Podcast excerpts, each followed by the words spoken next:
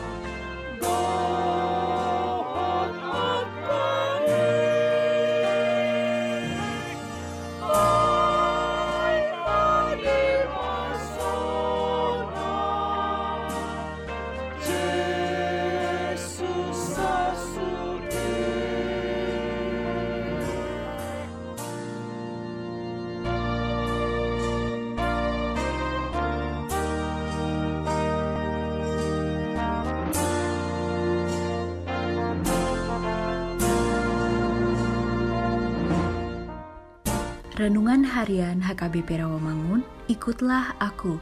Sabtu 25 September 2021 dengan judul Berbagi Rasa dalam Suka dan Duka. Bacaan kita pada pagi ini tertulis dalam Esther 3 ayat 1 sampai 15. Bacaan kita pada malam ini tertulis dalam Matius 5 ayat 13 sampai 20 dan kebenaran firman yang menjadi ayat renungan kita hari ini ialah Roma 12 ayat 15 yang berbunyi Bersukacitalah dengan orang yang bersukacita dan menangislah dengan orang yang menangis. Demikian firman Tuhan. Surat Paulus untuk jemaat Roma ini berisi suatu perintah bahwa sebagai orang Kristen yang sudah menerima Kristus, maka kita harus mempunyai sikap empati dalam hidup kita. Simpati adalah rasa kasih atau keikutsertaan seseorang dalam merasakan rasa senang, susah, sedih yang dirasakan orang lain. Salah satu contoh simpati adalah ketika Yesus menunjukkan simpatinya dalam Yohanes 11 ayat 33 sampai 35 kita dapat melihat bagaimana Yesus sangat tersentuh dan dia ikut menangis bersama Maria dan yang lainnya setelah Lazarus meninggal.